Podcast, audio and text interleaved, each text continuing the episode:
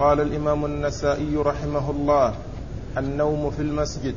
وقال أخبرنا عبيد الله بن سعيد قال حدثنا يحيى عن عبيد الله. قال أخبرني نافع عن ابن عمر رضي الله عنهما أنه كان ينام وهو شاب عزب لا أهل له على عهد رسول الله صلى الله عليه وسلم في مسجد النبي صلى الله عليه وسلم. بسم الله الرحمن الرحيم. الحمد لله رب العالمين وصلى الله وسلم وبارك على عبده ورسوله نبينا محمد وعلى آله وأصحابه أجمعين. أما بعد يقول النسائي رحمه الله النوم في المسجد. وقد أورد ومقصوده من ذلك بيان جوازه وأن ذلك سائغ و وقد أورد فيه حديث عبد الله بن عمر بن الخطاب رضي الله تعالى عنهما الذي يحكي فيه قصة نفسه أنه كان ينام في مسجد رسول الله صلى الله عليه وسلم وهو عزب لا أهل له في عهد رسول رسول الله صلى الله عليه وسلم في المسجد أي في مسجده صلى الله عليه وسلم. وما جاء عن ابن عمر في هذا الحديث واضح الدلالة لأنه يخبر عن نفسه أنه ينام في المسجد وهو شاب عزب لا أهل له يعني لم يتزوج ولم يتأهل.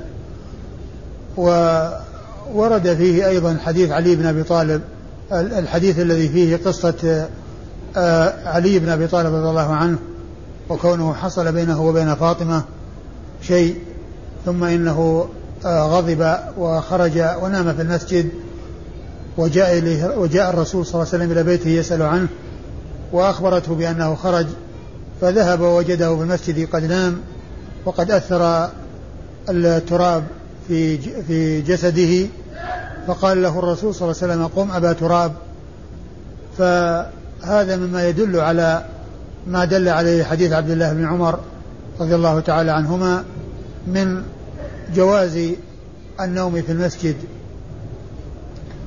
وقوله في الحديث أن أنه كان ينام وهو شاب عزب فمعلوم أن أن أن, أن عبد أن عبد الله بن عمر رضي الله عنه كان من صغار الصحابة وكان في غزوة أحد لم يبلغ وكان قد جاء يطلب منه أن يكون في الجيش وأن يكون في المجاهدين. ولكنه لم ي... لكونه لم يبلغ الخامسة عشرة فإنه لم يأذن له وبعد ذلك أذن له فهو في عهد رسول الله في عهد رسول الله صلى الله عليه وسلم آه عمره لم يبلغ الخامسة عند وفاة الرسول صلى الله عليه وسلم لم يبلغ الخامسة والعشرين تقريبا فهو شاب عزب عزب أي لا, أي لا أهل له يعني لم يتزوج ولم يتأهل وكان ذلك في مسجده وفي عهده عليه الصلاة والسلام.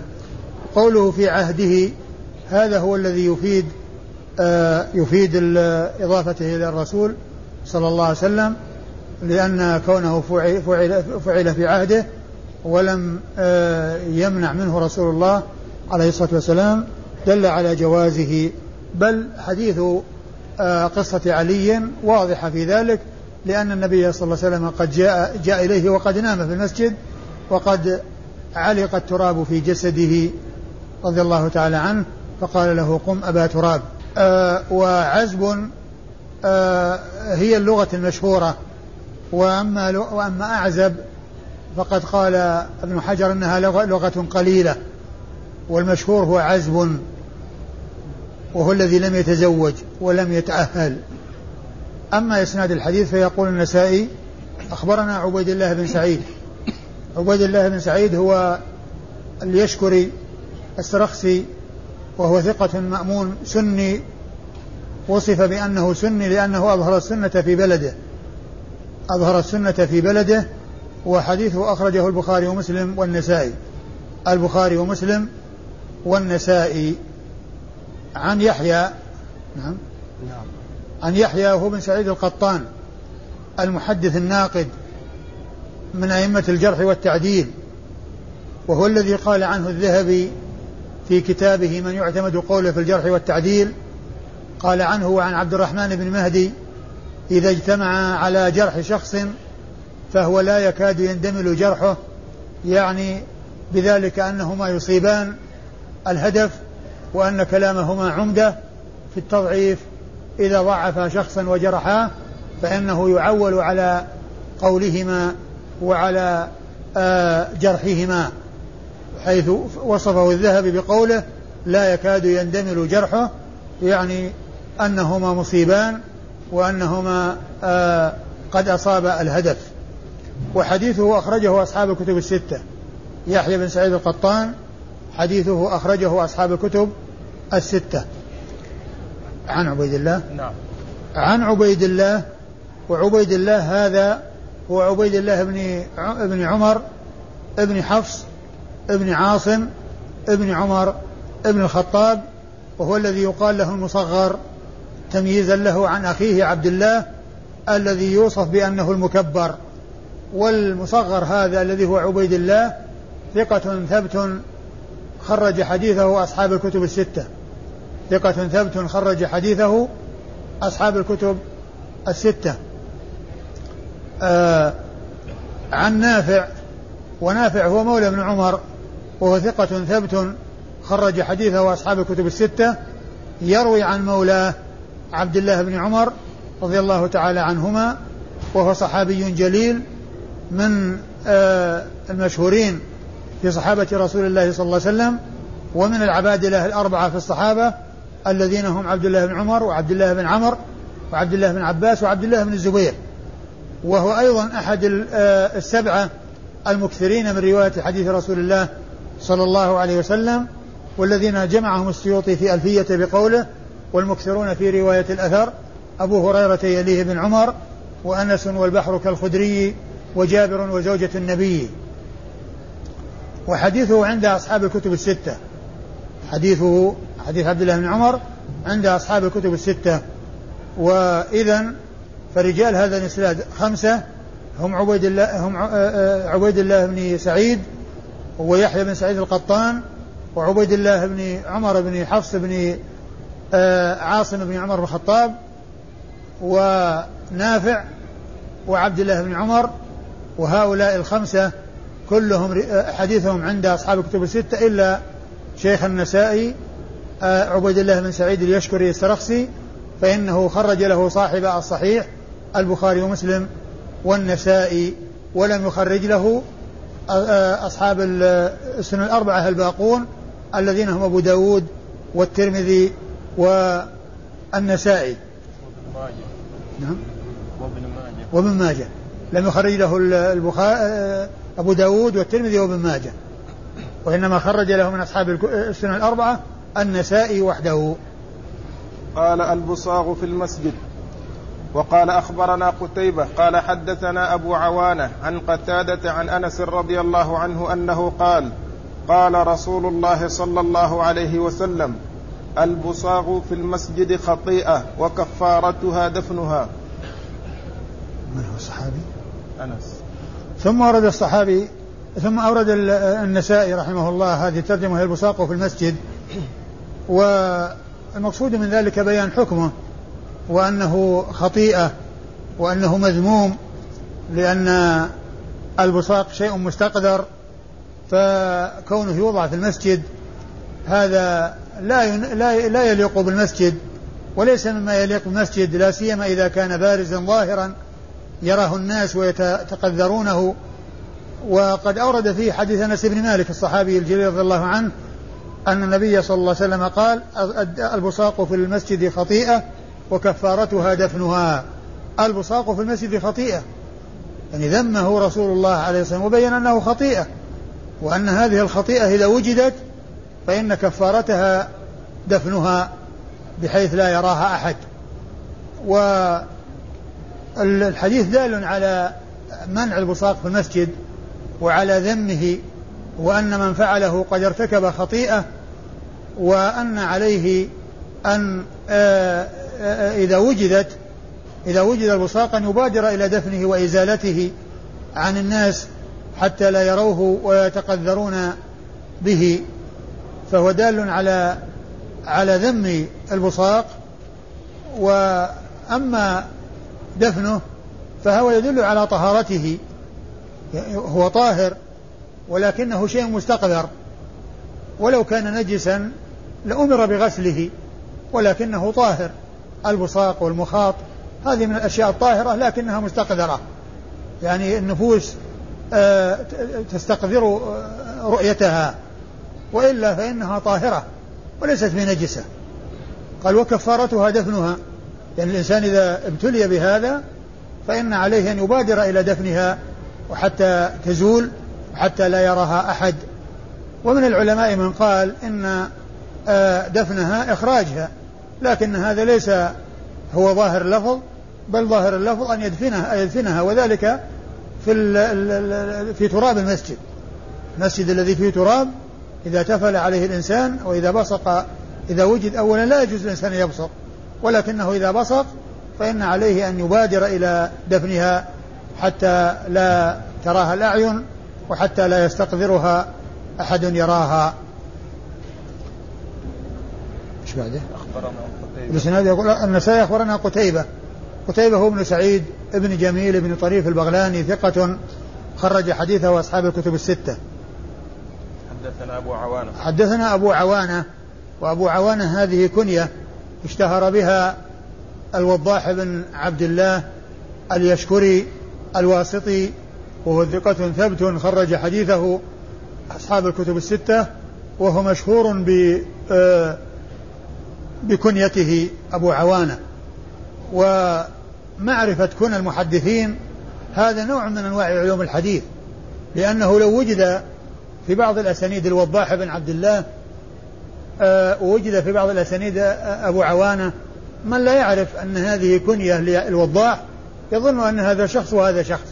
لكنه إذا عرف أن الوضاح بن عبد الله اليشكري كنيته أبو عوانة لا يلتبس عليه الأمر لو, لو جاء مرة باسمه ومرة بكنيته.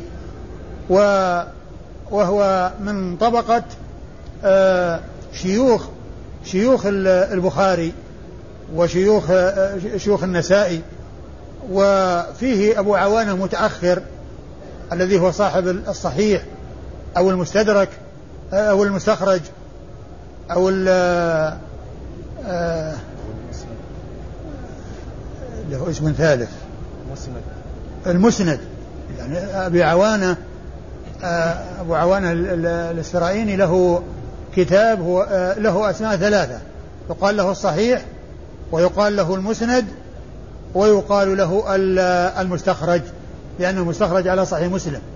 مستخرج على صحيح مسلم وهو متأخر يعني عن هذا لأنه بعد مسلم وهو مستخرج على صحيح مسلم وهو مستخرج على صحيح آه، مسلم.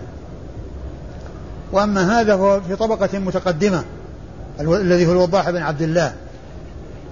عن قتادة. عن قتادة وهو بن دعامة السدوسي البصري وهو ثقة مدلس وحديثه أخرجه أصحاب الكتب الستة. عن أنس. عن أنس بن مالك صاحب رسول الله صلى الله عليه وسلم ورضي الله تعالى عن أنس وعن الصحابة أجمعين وهو ممن تشرف بخدمة الرسول صلى الله عليه وسلم حيث خدمه عشر سنوات منذ أن قدم المدينة رسول الله صلى الله عليه وسلم إلى أن توفاه الله وهو يخدمه رضي الله تعالى عنه وأرضاه. وقد آه، عمر وعاش طويلا ولقيه صغار التابعين وأخذوا عنه الحديث. وهو أحد السبعة الذين عرفوا بكثرة الحديث عن رسول الله. صلى الله عليه وسلم آه، فهو أحد السبعة الذين ذكرهم السيوطي في ألفيته والذين ذكرتهم آنفا عند ذكر عبد الله بن عمر في الحديث الذي قبل هذا. فأنس أحد السبعة المكثرين من رواية حديث رسول الله صلى الله عليه وسلم وحديثه عند أصحاب الكتب الستة. وهؤلاء الأربعة الذين هم رجال الإسناد وهم قتيبة وأبو عوانة وال آه، وقتادة. وقتادة بن دعامة. وأنس بن مالك هؤلاء حديثهم عند أصحاب الكتب الستة والإسناد من رباعيات النسائي الذي هو أعلى الأسانيد عند النسائي لأن أعلى الأسانيد عند النسائي أربعة يكونون بينه وبين رسول الله صلى الله عليه وسلم. آه وهذا الإسناد من هذه الأسانيد العالية عند النسائي. قال النهي عن أن يتنخم الرجل في قبلة المسجد. وقال أخبرنا قتيبة عن مالك عن نافع عن ابن عمر رضي الله عنهما أنه قال إن رسول الله صلى الله عليه وسلم رأى بصاقا في جدار القبلة فحكه ثم أقبل على الناس فقال إذا كان أحدكم إذا كان أحدكم يصلي فلا يبصقن قبل وجهه فإن الله عز وجل قبل وجهه إذا صلى. الترجمة النهي عن أن يتنخم الرجل في قبلة المسجد. النهي عن أن يتنخم المصلي في قبلة المسجد. الرجل. أه الرجل؟ أي. النهي عن أن يتنخم الرجل في قبلة المسجد. الرجل هنا لا مفهوم له بل المرأة كذلك. يعني بل المرأة كذلك. لا الرجال والنساء كلهم لا يتنخمون في المسجد ولا وبالأخص أو بالأولى في قبلة المسجد. والتنصيص على القبلة يعني آه لأهمية ذلك ولكونه الذي آه يراه الناس ويكون بارزا أمامهم. والتنخم في المسجد كله آه ليس الإنسان يتنخم في المسجد ولكن التنصيص على القبلة لأنها هي البارزة أمام الناس. يعني كون الجدار الذي يكون عنده الصف الأول يكون أول من يصل يراه وكذلك الذين يلونه يرونه. فهذا هو وجه تخصيصه وإلا فإن فإن البصاقة في المسجد أو التنخم في المسجد آه، كله محذور. وقد مر آه، آه، البصاق في المسجد خطيئة وكفارتها دفنها لكنه نص على على جهة القبلة لأهميتها ولشدة الاستقذار فيما كان فيها لأن من يصل المسجد أولا يراه ولأن أيضا من يكون في الصفوف الأول يرونه وهم أول من يصل إلى المسجد والذين يطولهم يطول بقائهم في المسجد في البداية والنهاية الذين يكونون في أوائل الصفوف هم الذين يأتون مبكرين ويذهبون متأخرين. فيكون في ذلك آه، استقذار أو زيادة في الاستقذار أو آه، آه، إطالة أمد الاستقذار يعني عندما يرونه في القبلة ثم أورد النسائي حديث من؟ ابن عمر ابن عمر حديث عبد الله بن عمر رضي الله تعالى عنهما إيش قال؟ قال أن رسول الله صلى الله عليه وسلم رأى بصاقا في جدار القبلة فحكه أن الرسول صلى الله عليه وسلم رأى بصاقا في جدار القبلة فحكه. أه وهذا يدل على على يعني أه على أن البصاق كما سبق أن مر أنه طائر ولهذا حكه والحك يعني يتساقط وينزل. ولكنه لا يعني لا يظهر يعني ذلك المنظر. ولو كان نجسا لغسل ولا يكفي فيه الحك. لكنه إذا حكه وسقط فيزول يعني ذلك المنظر الكريه المستقذر. فحكه رسول الله صلى الله عليه وسلم ثم آه قال ثم ثم أقبل على الناس فقال إذا كان أحدكم يصلي فلا يبصقن قبل وجهه. ثم قال إذا كان أحدكم يصلي فلا يبصقن قبل وجهه. وقال آه، ولعل ولعل يعني آه، ذكره آه، يعني هنا بعد أن حكه وكان في قبلة المسجد أنه يعني قد يكون يعني أحد بصق على على الجدار وهو في وهو يصلي وهو يصلي. يعني يحتمل هذا ويحتمل أن يكون البصاق من غير بدون صلاة. ولكن أن غالبا يكون في الصلاة لأن المصلي ويكون في الصف الأول والجدار أمامه غالبا قد يحصل منه ذلك قبل أن يتبين لهم المنع وقبل أن يبين لهم الرسول صلى الله عليه وسلم المنع من ذلك. فالرسول صلى الله عليه وسلم حكه ونهى عن البصاق. وهذا يعني يدل على على منعه وعلى إزالته عند عندما يوجد وعلى إزالته عندما يوجد. إن كان في تراب فيدفن وإن كان في جدار فإنه يحك. وإن كان في جدار أي البصاق فإنه يحك ويزال بالحك كما فعل ذلك رسول الله صلوات الله وسلامه وبركاته عليه. ثم قال فإن الله قبل وجهه إذا صلى. فإن الله قبل وجهه إذا صلى. أن قوله صلى الله عليه وسلم فإن الله قبل وجهه إذا صلى آآ آه، آآ آه، المصلي يناجي الله عز وجل. والله تعالى أمامه. فعليه أن يحترم تلك الجهة التي هو يناجي الله عز وجل متجها إليها وهي جهة القبلة وهي جهة القبلة.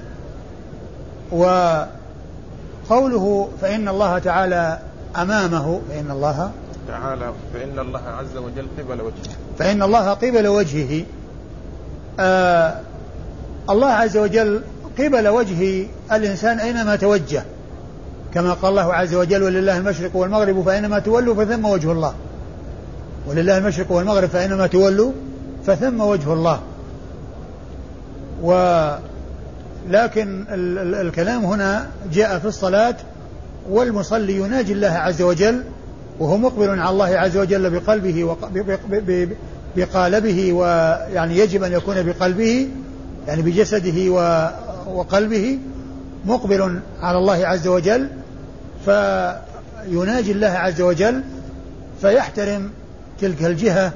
والله عز وجل أمام الإنسان وأينما توجه الإنسان فالله أمامه لأن الله عز وجل هو الكبير المتعال وهو الذي السماوات والأراضين وما حوته والمخلوقات كلها في قبضته سبحانه وتعالى كالخردلة في كف أحدنا ولله المثل الأعلى كما جاء ذلك عن عبد الله بن عباس رضي الله تعالى عنهما.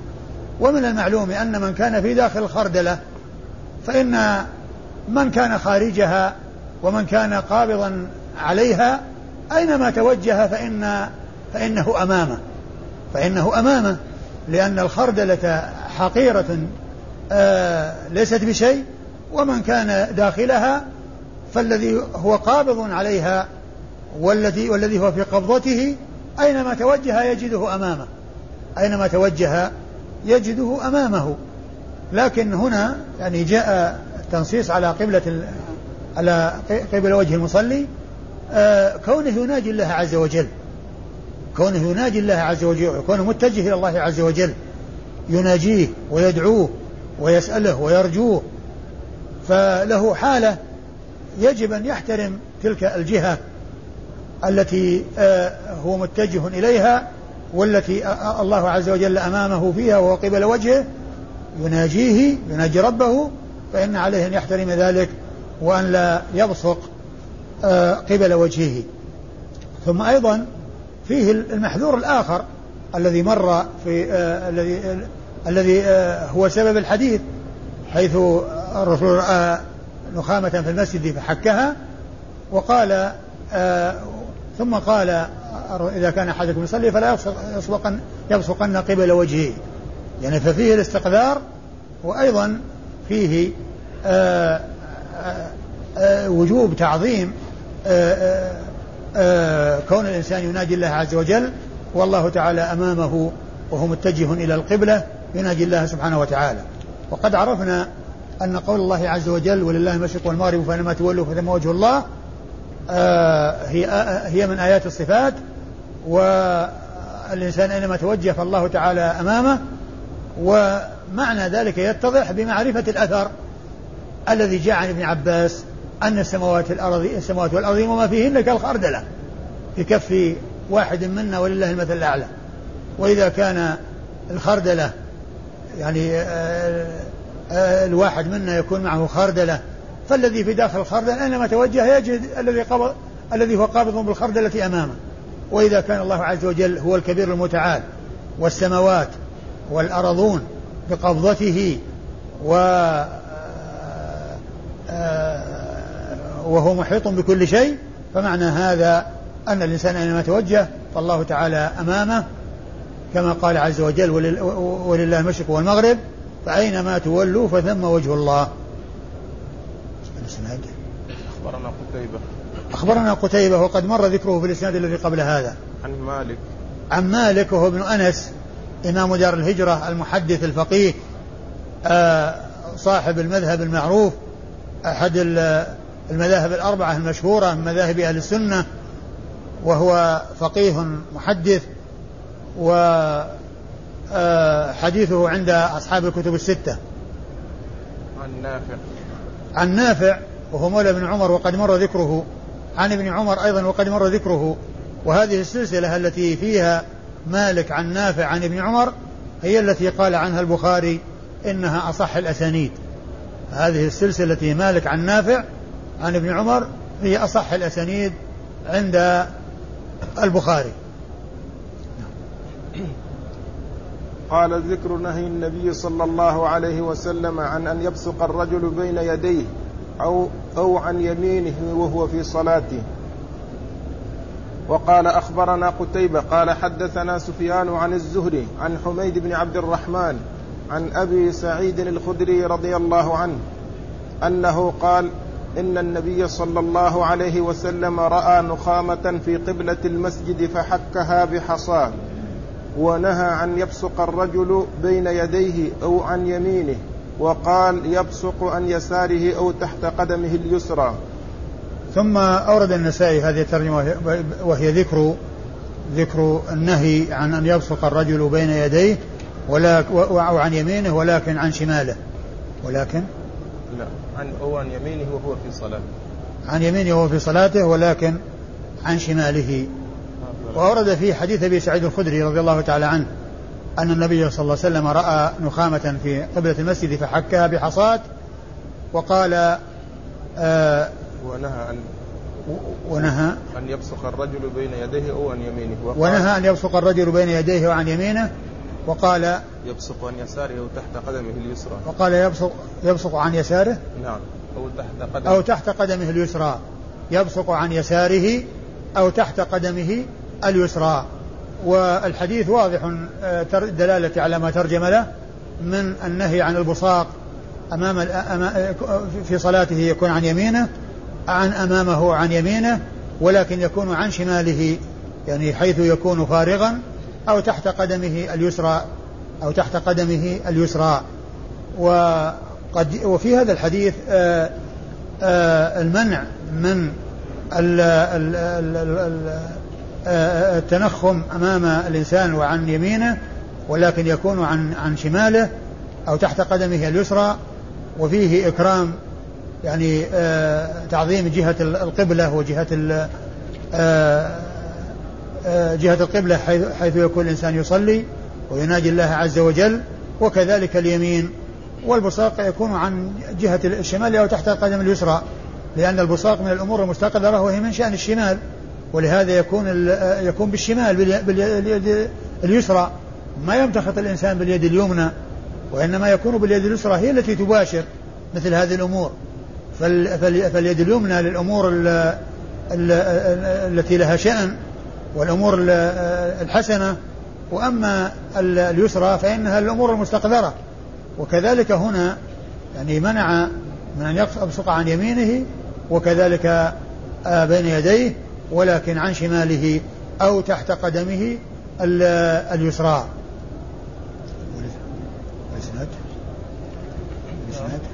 أخبرنا قتيبة. أخبرنا قتيبة. قتيبة مر ذكره؟ قال حدثنا سفيان. حد يروي عن من؟ عن الزهري. حدثنا سفيان وهو بن عيينة. سفيان هو بن عيينة وهو ثقة خرج حديثه أصحاب الكتب الستة. عن الزهري وهو محمد بن مسلم ابن عبيد الله بن عبد الله بن الحارث بن شهاب ابن عبد الله بن زهرة ابن كلاب. منسوب إلى جده زهرة ومنسوب مشهور بالنسبة إلى جده زهرة ومشهور بالنسبة إلى جده كلاب وإلى جده كلا إلى جده شهاب. وهو إمام جليل ومحدث فقيه وحديثه عند أصحاب الكتب الستة. عن, عن حميد بن عبد الرحمن.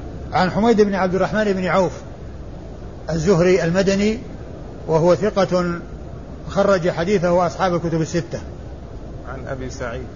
عن أبي سعيد الخدري وهو سعد بن مالك بن سنان اسمه سعد بن مالك بن سنان الخدري آه، آه، الأنصاري صاحب رسول الله صلى الله عليه وسلم وأحد السبعة الذين عرفوا بكثرة الحديث عن رسول الله صلى الله عليه وسلم من أصحابه وقد مر ذكرهم في أبيات السيوطي آنفا.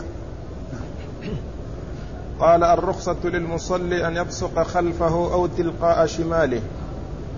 وقال أخبرنا عبيد الله بن سعيد قال حدثنا يحيى عن سفيان قال حدثني منصور عن ربعي عن طارق بن عبد الله المحاربي رضي الله عنه أنه قال قال رسول الله صلى الله عليه وسلم إذا كنت تصلي فلا تبزقن بين يديك ولا عن يمينك وابصق خلفك أو تلقاء شمالك إن كان فارغا وإلا فهكذا وبزق تحت رجله ودلكه ثم ورد النسائي النهي عن أن يبصق آه الرخصة.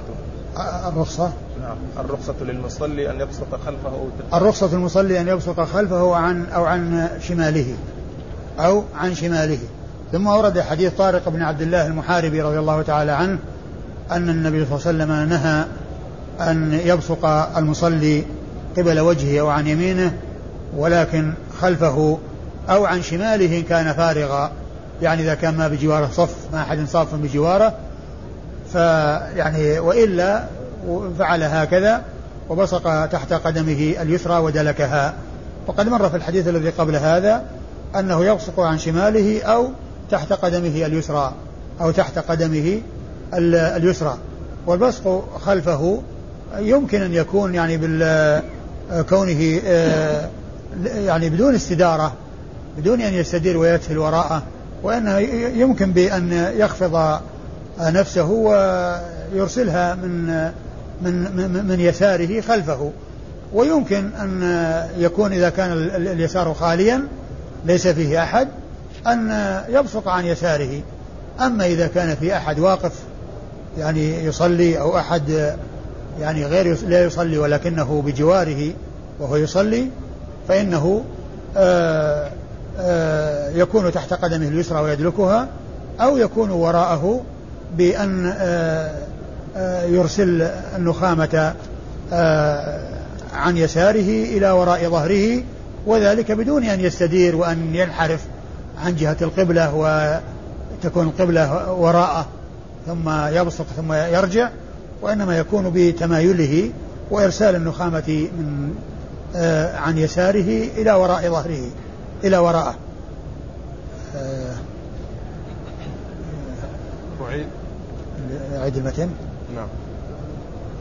عن طارق بن عبد الله المحاربي رضي الله عنه قال قال رسول الله صلى الله عليه وسلم إذا كنت تصلي فلا تبزقن بين يديك ولا عن يمينك وابصق خلفك أو تلقاء شمالك إن كان فارغا وإلا فهكذا وبزق تحت رجله ودلكه ثم آه، الاسناد الاسناد قال أخبرنا عبيد الله بن سعيد. أخبرنا عبيد الله بن سعيد وهو اليشكري السرخسي الذي مر ذكره قريبا. قال حدثنا يحيى. حدنا يحيى القطان وقد مر ذكره قريبا. عن سفيان. عن سفيان عن عن منصور نعم. عن سفيان وسفيان هذا يحتمل أن يكون ابن عيينة ويحتمل أن يكون ال أن يكون ال الثوري ولكن كونه الثوري أقرب لأن لأن المعتمر الذي يروي عنه من أهل الكوفة وسفيان الثوري من أهل الكوفة. منصور. نعم منصور. منصور بن معتمر من أهل الكوفي وسفيان الثوري كوفي فهما من بلد واحد. وأيضا كذلك يحيى بن سعيد القطان بصري والبصرة آه، قريبة من الكوفة. وأما سفيان بن عيينة فهو مكي. سفيان بن عيينة فهو مكي. فأقرب آه، أو الأظهر أن يكون المراد به سفيان الثوري آه، لأن وإن كان سفيان بن عيينة روى عن منصور بن معتمر لكن كونه من بلده فيكون أكثر ملازمة له فيحمل على أنه الثوري ولا يؤثر حتى لو لم يعلم أنه هذا أو هذا آه الإسناد دائر على ثقة سواء يكون الثوري أو يكون ابن عيينة. الحديث آه الإسناد ما فيه إشكال لأن كل منهما ثقة. لكن أيهما الأقرب إلى أنه الثوري؟ لأنه كما ذكرت منصور بكوفي والثوري كوفي ثم أيضا يحيى بن سعيد القطان بصري والبصرة قريبة من الكوفة. وأما سفيان بن عيينة فهو مكي. آه وأما آه وسفيان الثوري آه ثقة ثبت إمام حجة وصف بأنه أمير أمير المؤمنين أمير المؤمنين في الحديث. وهذا وصف من أعلى صيغ التعديل وأعلى صيغ التوثيق. ما حصل إلا للقليل النادر من المحدثين. وقد حصل لسفيان الثوري كما حصل لشعبة وإسحاق بن راهوية والبخاري والدار قطني وغيرهم ممن وصف بهذا الوصف. وحديثه عند أصحاب الكتب الستة الذي هو الثوري. عن منصور بن المعتمر الكوفي وهو ثقة ثبت آه، خرج حديثه أصحاب الكتب الستة. عن ربعي. عن ربعي بن حراش. ربعي ابن حراش وهو ثقة خرج حديثه أصحاب الكتب الستة. عن طارق. عن طارق بن عبد الله المحاربي صاحب رسول الله صلى الله عليه وسلم وهو من مسلمة الفتح وحديثه أخرجه البخاري في خلق أفعال العباد وأخرج أيضا حديثه أصحاب السنن الأربعة. وفي نسخة التقريب آه، المصري ذات المجلدين وكذلك نسخة تهذيب التهذيب التهذيب رمز له بأبي داود وحده. و آه، وأما آه، المزي في تهذيب الكمال فإنه رمز له بالبخاري في فإنه ليس من عادته أن يرمز ولكنه يأتي بالألفاظ وبالكلمات. فقال أخرج له البخاري في خلق أفعال العباد وأخرج له الباقون سوى مسلم. وأخرج له الباقون سوى مسلم.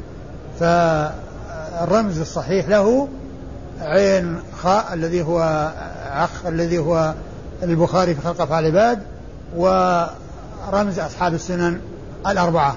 ثم الحديث يعني عند عند تخريجه ذكر كون عند أبي داود والترمذي وعند ابن ماجه يعني هو موجود عندهم فهو من رجالهم وليس كما جاء في نسخة تهذيب التهذيب ونسخة تقريب التهذيب أنه الرمز لأبي داود فقط. الحديث عند النسائي معنا. نعم. نسخة عوام يعني على الصحيح. عين خاء. إيه؟ طيب. وهذا من مسلمة الفتح ولا هذا من مسلمة الفتح الذي بعده. من هو؟ الله بن الشخير آه صحيح. لا ليس من مسلمة الفتح. الذي بعده عبد الله بن الشخير آه وأما هذا فهو صحابي مقل من يعني آه قيل إن له ثلاثة أحاديث. اثنان حديثان أو ثلاثة. فهو فهو مقل. قال بأي الرجلين يدلك بصاقة؟ وقال أخبرنا سويد بن نصر قال أخبرنا عبد الله عن سعيد الجريري عن أبي العلاء بن الشخير عن أبيه رضي الله عنه أنه قال رأيت رسول الله صلى الله عليه وسلم تنخع فدلكه برجله اليسرى. ثم ورد النسائي الترجمة بأي الرجلين يدلك آه بصاقه؟ آه أورد في حديث عبد الله بن الشخير رضي الله تعالى عنه أنه قال رأيت رأيت رسول الله صلى الله عليه وسلم تنخع فدلكه برجله اليسرى. رأيت رسول الله تنخع تنخع فدلكه برجله اليسرى. المقصود أنه يدلك برجله اليسرى. وكما مر أنه تحت قدم تحت قدمه اليسرى ويدلكه. فالتنخع يكون تحت رجل اليسرى ويكون الدلك بالرجل اليسرى ويكون الدلك بالرجل اليسرى. أيوه.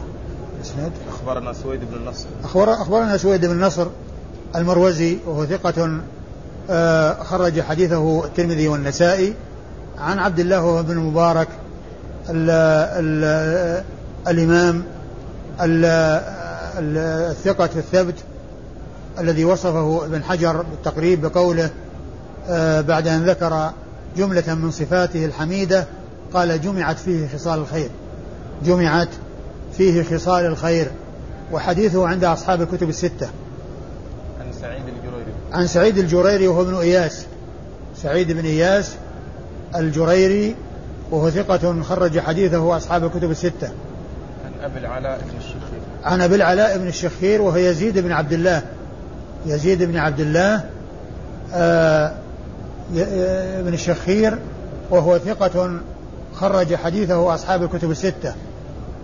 عن أبيه عبد الله بن يزيد عبد الله بن بن الشخير عن أبيه عبد الله بن الشخير وذاك مشهور بكنيته الذي هو أبو آه الذي هو يزيد بن عبد يزيد بن عبد الله مشهور بكنيته أبو العلاء.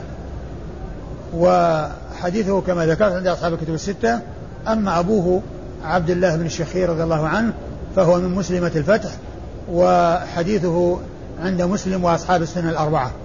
عند مسلم وأصحاب السنن الأربعة. قال تخليق المساجد وقال أخبرنا إسحاق بن إبراهيم قال حدثنا عائذ بن حبيب قال حدثنا حميد الطويل عن أنس بن مالك رضي الله عنه قال رأى رسول الله صلى الله عليه وسلم نخامة في قبلة المسجد فغضب حتى احمر وجهه فقامت امرأة من الأنصار فحكتها وجعلت مكانها خلوقا. فقال رسول الله صلى الله عليه وسلم ما أحسن هذا؟ ثم أورد النسائي تخليق تخليق المساجد. تخليق المساجد يعني تطيبها. التخليق يعني وضع الخلوق وهو نوع من الطيب.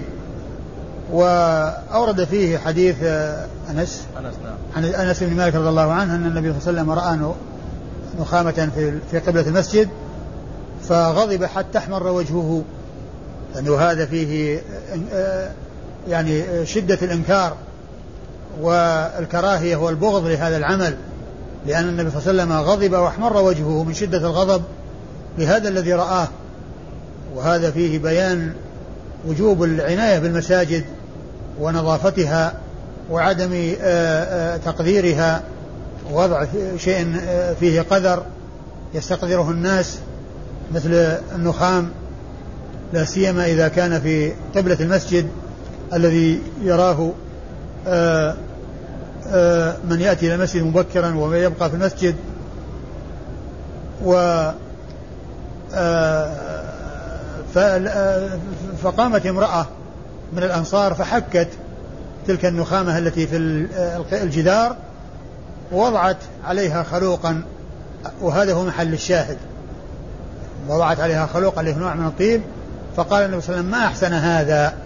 يعني كونها أزالت الشيء المستقذر وأتت بالشيء الطيب مكان هذا المستقذر. يعني أزالت المستقذر وأتت وجعلت مكانه ما هو مستحب. وما هو محبوب إلى النفوس الذي هو الطيب حيث أزالت القدر ووضعت مكانه طيبا. فقال عليه الصلاة والسلام ما أحسن هذا؟ لأن فيه جمع بين حسنيين. إزالة القدر ووضع شيء طيب مكان هذا الشيء المستقذر الذي أزيل. أما الإسناد أخبرنا إسحاق بن إبراهيم. أخبرنا إسحاق بن إبراهيم وهو بن مخلد بن راهوية المشهور بن راهوية وهو ثقة حجة وصف بأنه أمير أمير المؤمنين في الحديث و وهو فقيه محدث أخرج حديثه أصحاب الكتب الستة إلا ابن ماجه فإنه لم يخرج له شيئا. حدثنا عائذ بن حبيب. حدثنا عائذ بن حبيب عائذ بن ابن حبيب آه هو صدوق آه رمي بالتشيع وحديثه أخرجه النسائي وابن ماجه.